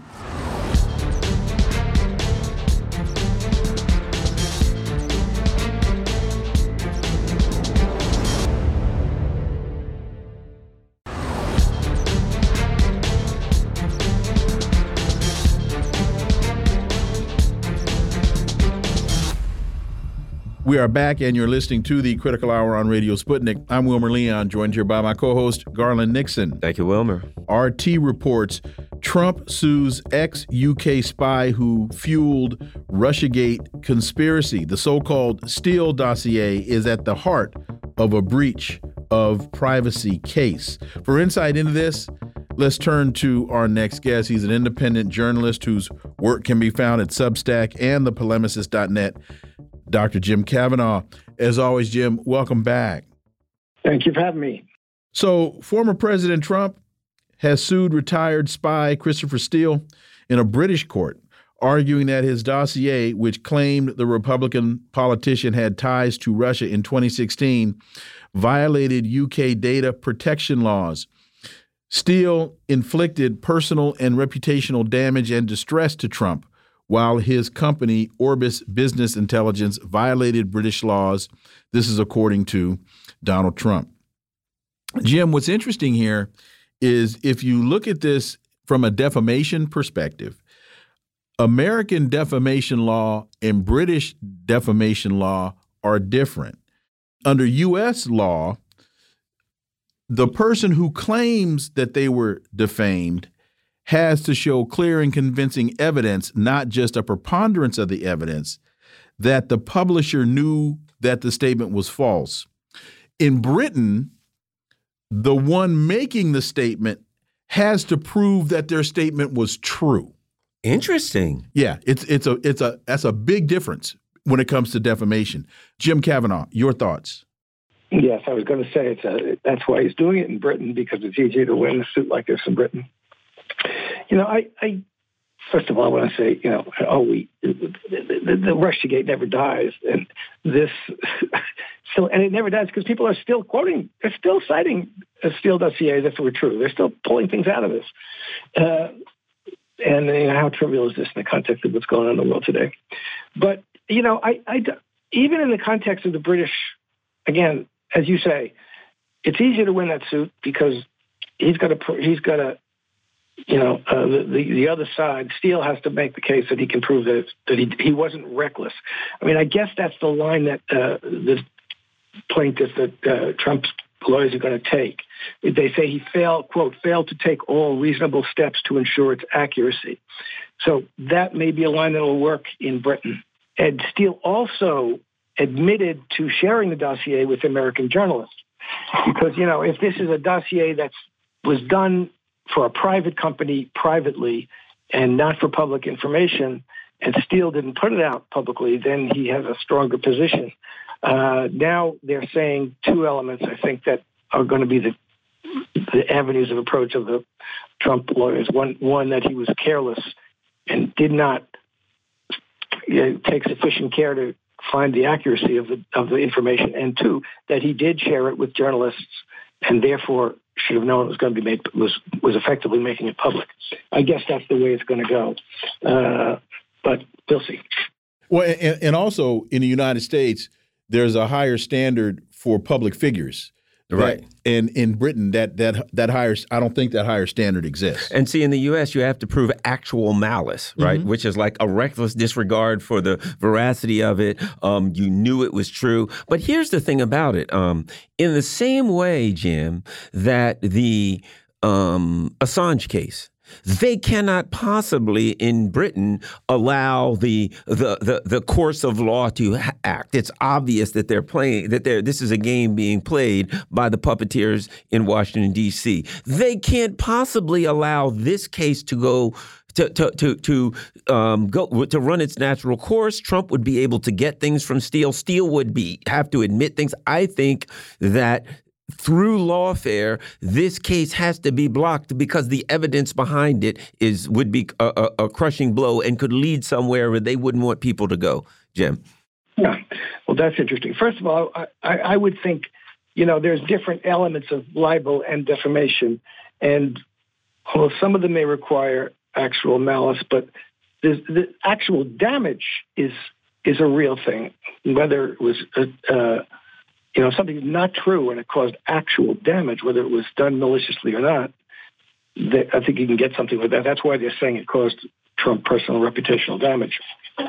Uh, but uh, your larger point is that they're going to try and squash the suit because they don't even want the kinds of uh, disclosures that will come, you know, the the motions for uh, to find out information, et cetera. That's a point I hadn't thought about. Uh, so that would require them actually doing something to kind of dismiss the suit before it even gets too far along. Uh, I just don't know about it. Frankly, I don't think that anything's going to come out of it. Uh, well, maybe, but I don't know what would come out of it that would be more damaging than we already than what we already know. He was hired by Clinton. He was hired by Clinton. We know that the guy he was who was his uh, source, Danchenko, told the FBI that, oh, it was just a bunch of rumors. And uh, the FBI knew that in 2017 and hid that fact in order to get FISA warrants against Carter Page and be able to uh, survey and, and, and wiretap the entire Trump campaign. So we know all that stuff. I'm not quite sure what we could get out of it that would be any more damning to the Russiagate case and to the Clintons and, and, and the Democrats than the information we already know, which is being reported very widely, and people, most people still don't know that uh, because just it's hidden. So I, I'm, I'm not sure whether whether that would actually, in this particular case, be something important. I, I have an idea. Okay. One of the issues that, the Steele people will have is they won't be able to, as they do over here, claim national security. Well, we can't give you any information because it's national security. They can't do that because it's a private entity. It isn't the government. So Steele was kind of the nexus. He was the node, you know what I mean, between this so you know faking that it was a private entity and the reality that it was really intelligence operation. So they used him. The problem they have is as you start digging into this it becomes obvious that this was intelligence and that that's the big problem they have with anybody you know turning over any rocks. As soon as you turn over a rock you're going to be at the at the um, the home office or whatever they call it for the foreign ministry uh, jim. So you think that there might be some connection with uh, British MI6 or MI5. Oh, nah. That's just a crazy conspiracy theory. No, because Steele was retired. Yeah, exactly. Yeah, well, yeah, that would be revealed by this. And yeah, that certainly is something But then the MI5 and MI6 will step in and say they'll step in and say it's national security and we can't reveal it. Uh, it, it doesn't. In fact, this is a private company named in the case doesn't mean that they can't they can't step in and do that. So again, yeah, that's sure. I, I think that it, it, it's 50-50 chance at least that they'll squash the case at the outset for reasons like that. Although again, I would say. I don't think there's much to be revealed there that we don't already know. Unless we find something that you know Hillary Clinton and and uh, the, the, British Prime Minister and Foreign Secretary were involved in talking about this and dealing with it uh, on a constant basis and pushing the pushing the story. But I think nobody at that point really thought it was that important. Wouldn't this become the biggest talking point for Donald Trump? See, I told you so. Yeah, going See, into the election. Yeah. I told you Hillary was crooked. I told you they were liars.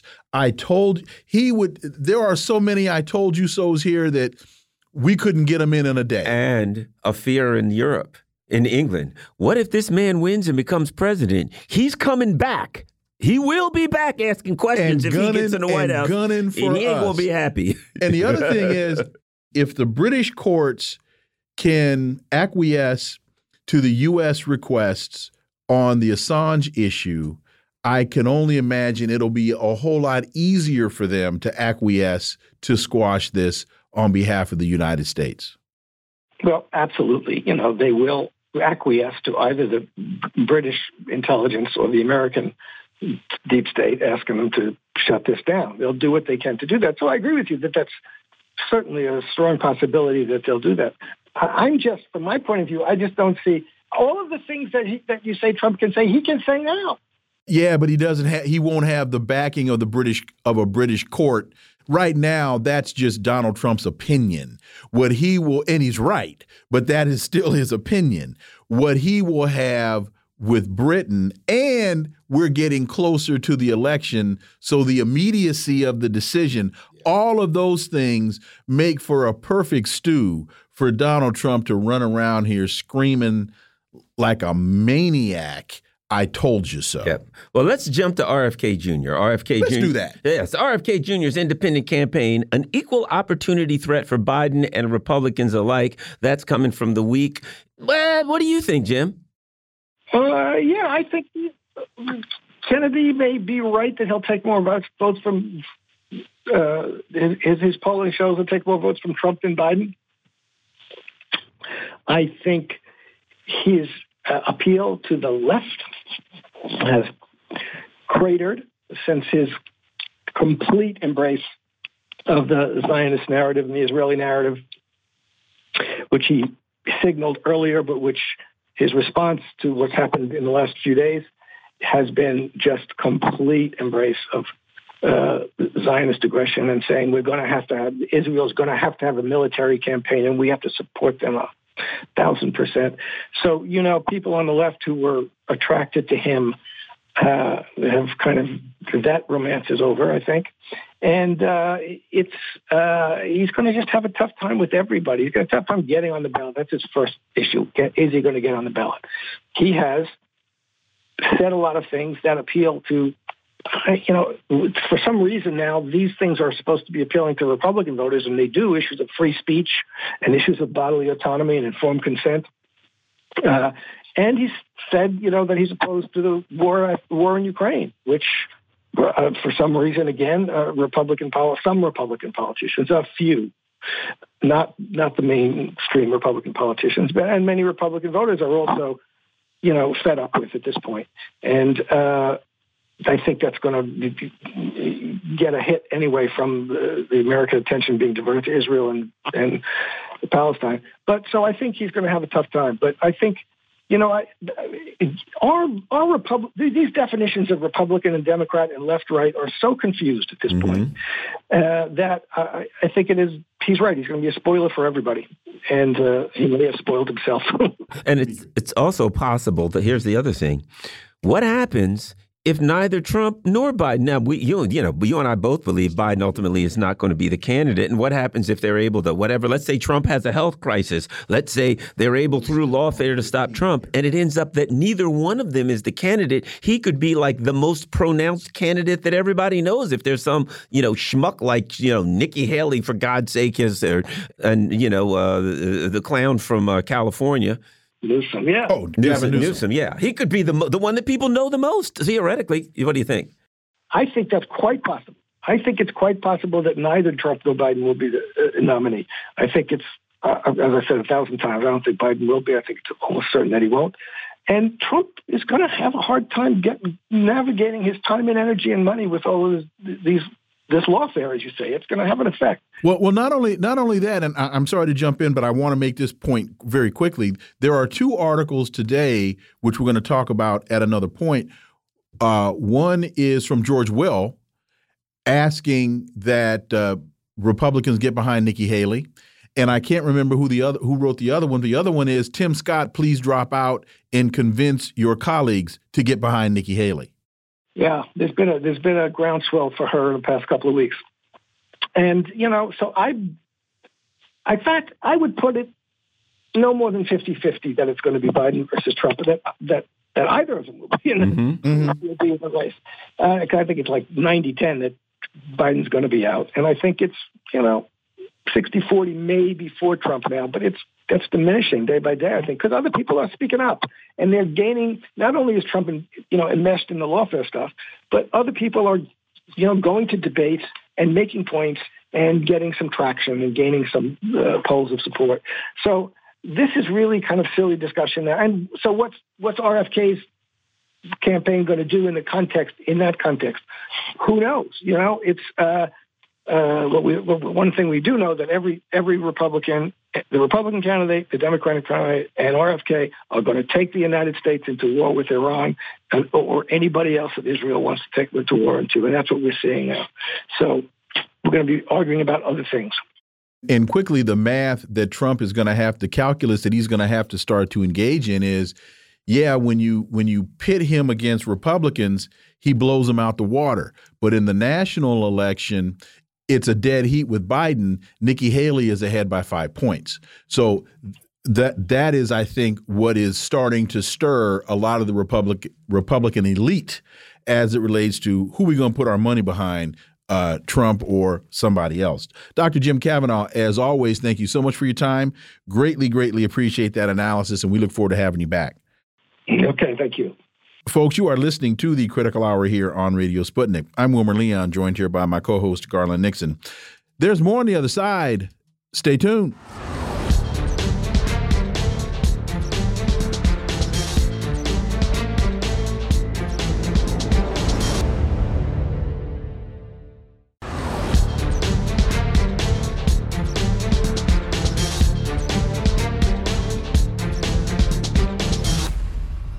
We are back, and you're listening to the Critical Hour on Radio Sputnik. I'm Wilmer Leon, joined here by my co host, Garland Nixon. Thank you, Wilmer. The Libertarian Institute has a piece entitled Nairobi's High Court Puts Hold on U.S. backed Kenyan Troop Deployment to Haiti. Kenya's High Court put a temporary suspension on a planned troop deployment to Haiti. The Joe Biden administration made a deal with Nairobi to deploy its soldiers to Haiti on a mission approved by the UN Security Council.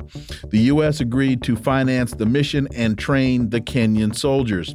For insight into this, we turn to our next guest. He's a journalist and editor at Haiti Liberté, Kim Ives. Kim, as always, welcome back. Thanks, Wilmer. Thanks, Garland. This past Friday, former presidential candidate Ekuru Aukotey filed a petition with the High Court arguing that sending troops to Haiti violated the Kenyan constitution. The High Court granted a temporary block on sending the soldiers. President William Ruto's administration will have three days to appeal. Your thoughts on this, Kim? Is this Ruto's way of using the court against the Biden administration, as in, well, Joe, I'd like to do it, but my court won't let me? Or is this just pro forma? And at the end of the day, the Kenyan court will go along with the wishes of the president and uh, send the troops? Uh, well, yeah, we have to see. It might be a judo move, like you're saying, where um, uh, they're trying to use the court, which in fact uh, is who put Ruto in power. He came to power through a Supreme Court uh, decision, a little like uh, George W. Bush the first time around.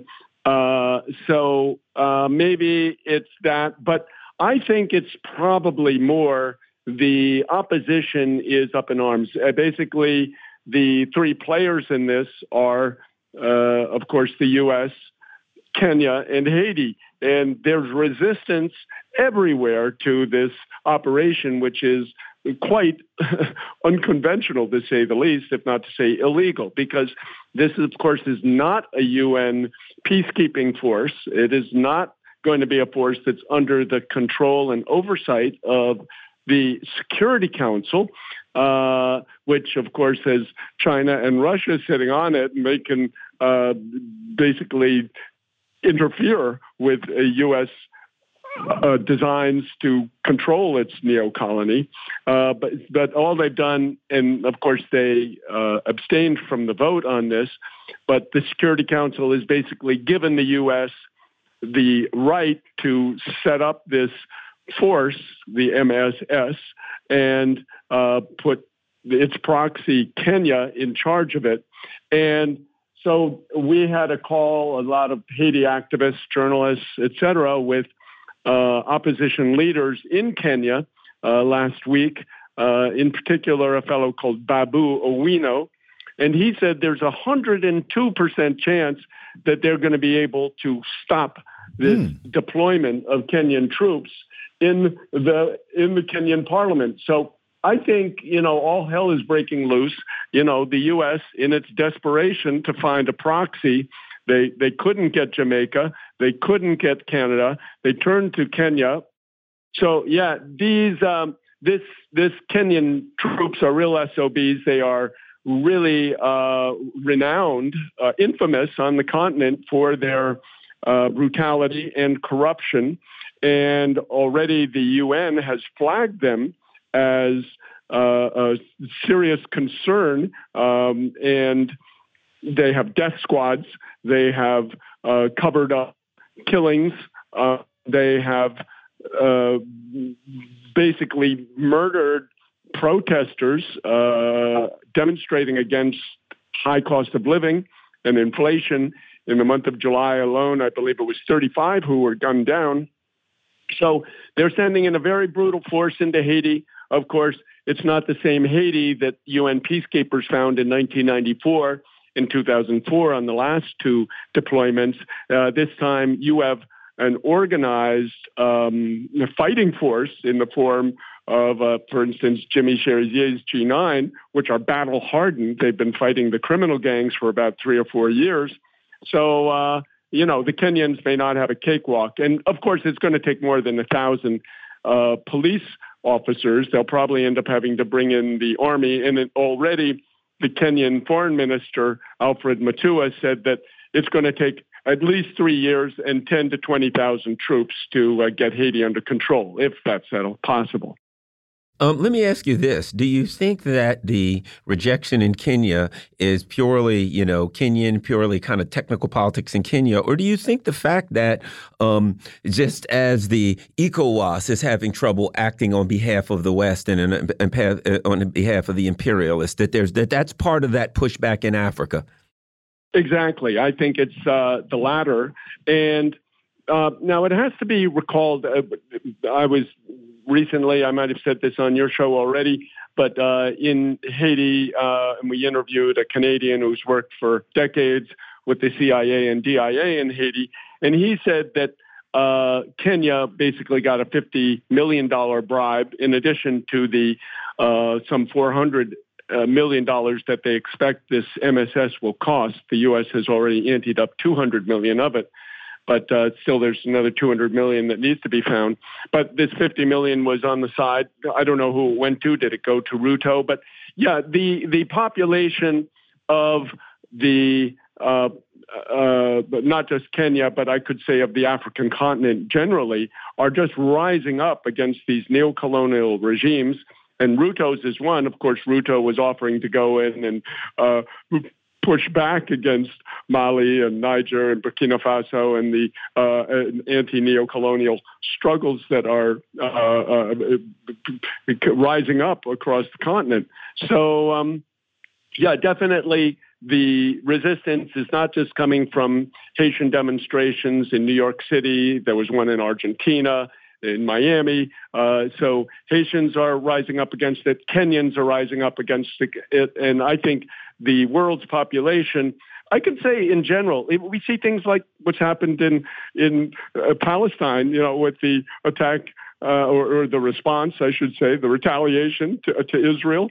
Um, uh, that that you know, all of this is uh, engendering an atmosphere of resistance and pushback uh, across the planet. You mentioned the battle-hardened Jimmy Cherizier group, the G9. And I'm wondering if Kenyans were to come in, if they would be perceived by some of the other more nefarious groups as being interlopers, and that they then would join forces with the G9 to repel the invaders of their country. Or do you, or or they or are they not that astute? Well, no, you raise, uh, you put your finger really on the whole tactical question because Cherizier and the G9 really are between a rock and a hard place. They have uh, been at war with these criminal gangs uh, really for the past three or four years. And now they are facing uh, the biggest criminal gang in the form of the U.S., France, and Canada using Kenya as a proxy who are about to come into the country. So uh, uh, his idea was to try to at least make a truce uh, with the criminal gangs uh, to fight the incoming invasion and the Ariel Henry government. Um, uh, I think that's fraught. That's a dangerous approach because those are very, very unreliable mm-hmm. allies, uh, as you know, mercenaries are. The only thing that interests them is money, and they're liable to betray him. And and uh, you know, it's very. Well, wait a minute. Wait a minute. Let me let me be sure I understand what you're saying. Are you saying that the criminal gangs are mercenaries? That they're not indigenous Haitians? Well, no. When I say mercenaries, I, I mean mercenary as a category okay. of. Uh, uh, of motivation. No, okay, they are, got they it. are Haitian. They, they are motivated by money. I got you. Just by money. Yeah, they're just fighting for money. And, you know, whoever pays them the most, they'll win. Uh, they'll get their allegiance. The uh, Haitian government has used them against Cherizier, uh, hired them basically uh, to to fight with Cherizier. Uh, so um, I think Cherizier's um, attempt to make a truce with them is uh, um, not a good idea. I mean, mm-hmm. I'm speaking, uh, you know, of course, from the comfort of outside of Haiti. Uh, but um, in any case, yeah, this is the dilemma that he faces: is uh, would these criminal gangs end up becoming allies of the Kenyan uh, if he doesn't find a way to, to sort of pull them uh, to fight with him against the Kenyans. In Haiti Liberté, Pascal Robert writes Why Haiti must follow the current political example of French speaking Africa. What does he mean by that, Kim? Well, yeah, Pascal wrote a great piece which we translated into um, uh, French. Uh, he, he uh, basically makes the point that the same uprisings that we see across the former neo-colonies of Africa, uh, that model has to be uh, followed in Haiti.